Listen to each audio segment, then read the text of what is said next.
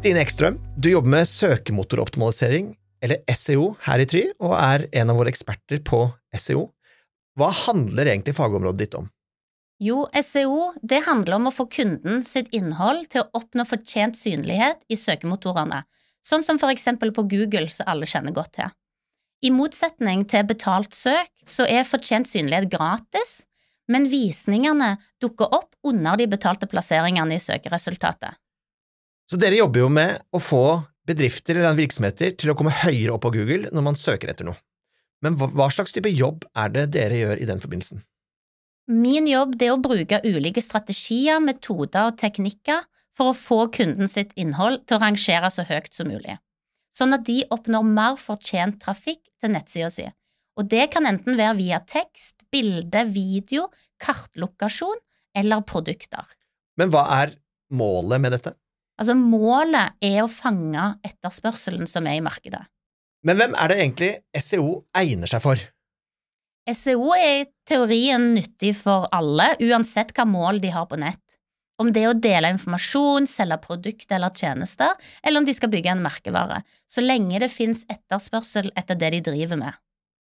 Og så er det jo eh, sånn at man eh, tenker at eh, hvorfor skal man drive med dette, og så tenker man at det, jo, det er bare trafikk til nettsidene, men det er jo litt mer komplisert enn dette. Ja, altså de fleste tenker nok på nettsider og klassiske søkemotorer som Google og Bing når de hører søkemotoroptimalisering. Eh, men Google Maps og AppStore og YouTube er etter hvert òg ganske etablerte søkemotorer.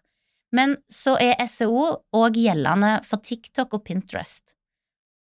Så det er litt sånn at veldig mange unge, for eksempel, som bruker TikTok, de bruker TikTok til å søke framfor Google og Bing, for eksempel? Ja, det er helt riktig. Og det er jo opprinnelig sosiale mediekanaler, men de har da blitt viktige søkemotorer for å nå den yngre målgruppa, og gjerne de som er interessert i underholdning og inspirasjon. Jeg lurer også da på hvordan er det vi jobber med SEO her på Tryhuset? SEO det er et veldig komplekst fag, ehm, og det kan bidra inn flere plasser enn hva folk ofte tror. Selv om målet med SEO er å oppnå synlighet, så ligger veldig mye av arbeidet i innsikt, idé og strategifasen. Men hvordan er det dere starter en sånn prosess?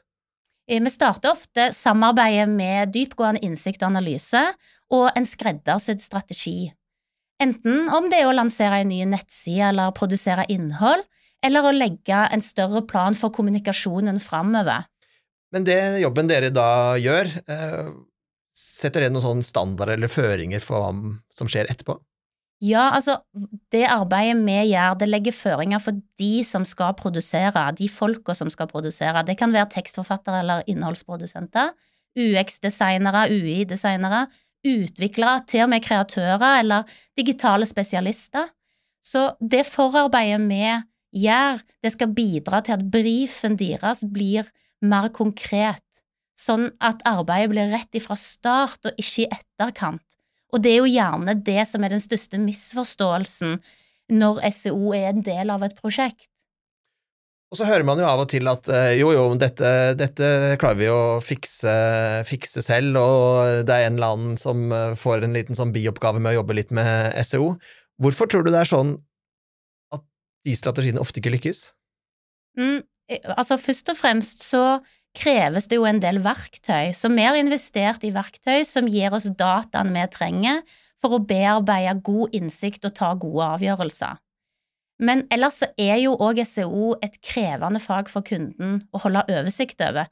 Konkurransen er stadig økende, og søkemotorene er stadig i endring. Og de er smartere enn noen gang takket være ny teknologi og AI. Men SEO er jo et fagfelt, selvfølgelig, men det er vel også sånn at det innebærer eh, at det krysser veldig mange flere fagdisipliner? Altså, Med tanke på alt som har skjedd den siste tida, eh, utviklingen av søkemotorene, så har det eh, absolutt ført at SEO krysser flere fagdisipliner nå enn før. Og det krever naturligvis et bedre samarbeid på tvers, men det har òg gitt oss flere strenger å spille på når det kommer til å påvirke synligheten. Og så vet vi at eh, digital handel, digitale tjenester, de vokser jo eksplosiv fart. De gjør det nå, og det gjorde det særlig etter eh, pandemien. Hvorfor er søk så viktig del av dette arbeidet? Altså, søk er jo en stor del av kundereisen i dag, og det betyr at synlighet i søkemotorene nærmest er avgjørende for å i det hele tatt bli vurdert.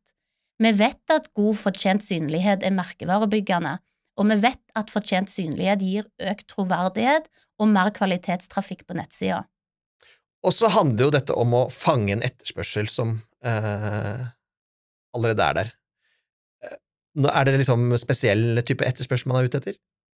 Altså, etterspørselen er jo der hele året, eh, uavhengig av kampanjepulser. Eh, så derfor er det veldig viktig å jobbe kontinuerlig med SEO, ha et always on-fokus. Eh, og så kalles det jo fortjent synlighet for en grunn, for man, hvis man ikke jobber med den fortjente synligheten, så er det noen andre som fortjener den. Hvis du skal oppsummere SEO i to setninger, hva ville du sagt da? Selv om SEO er komplekst fagfelt, så er det ofte enkle grep som skal til for å øke plasseringen på Google. Hvis du vil lære mer om dette temaet, kan du enten gå inn på try.no eller ta kontakt med fagpersonen du nettopp hørte. Kontaktinformasjon finner du i episodebeskrivelsen.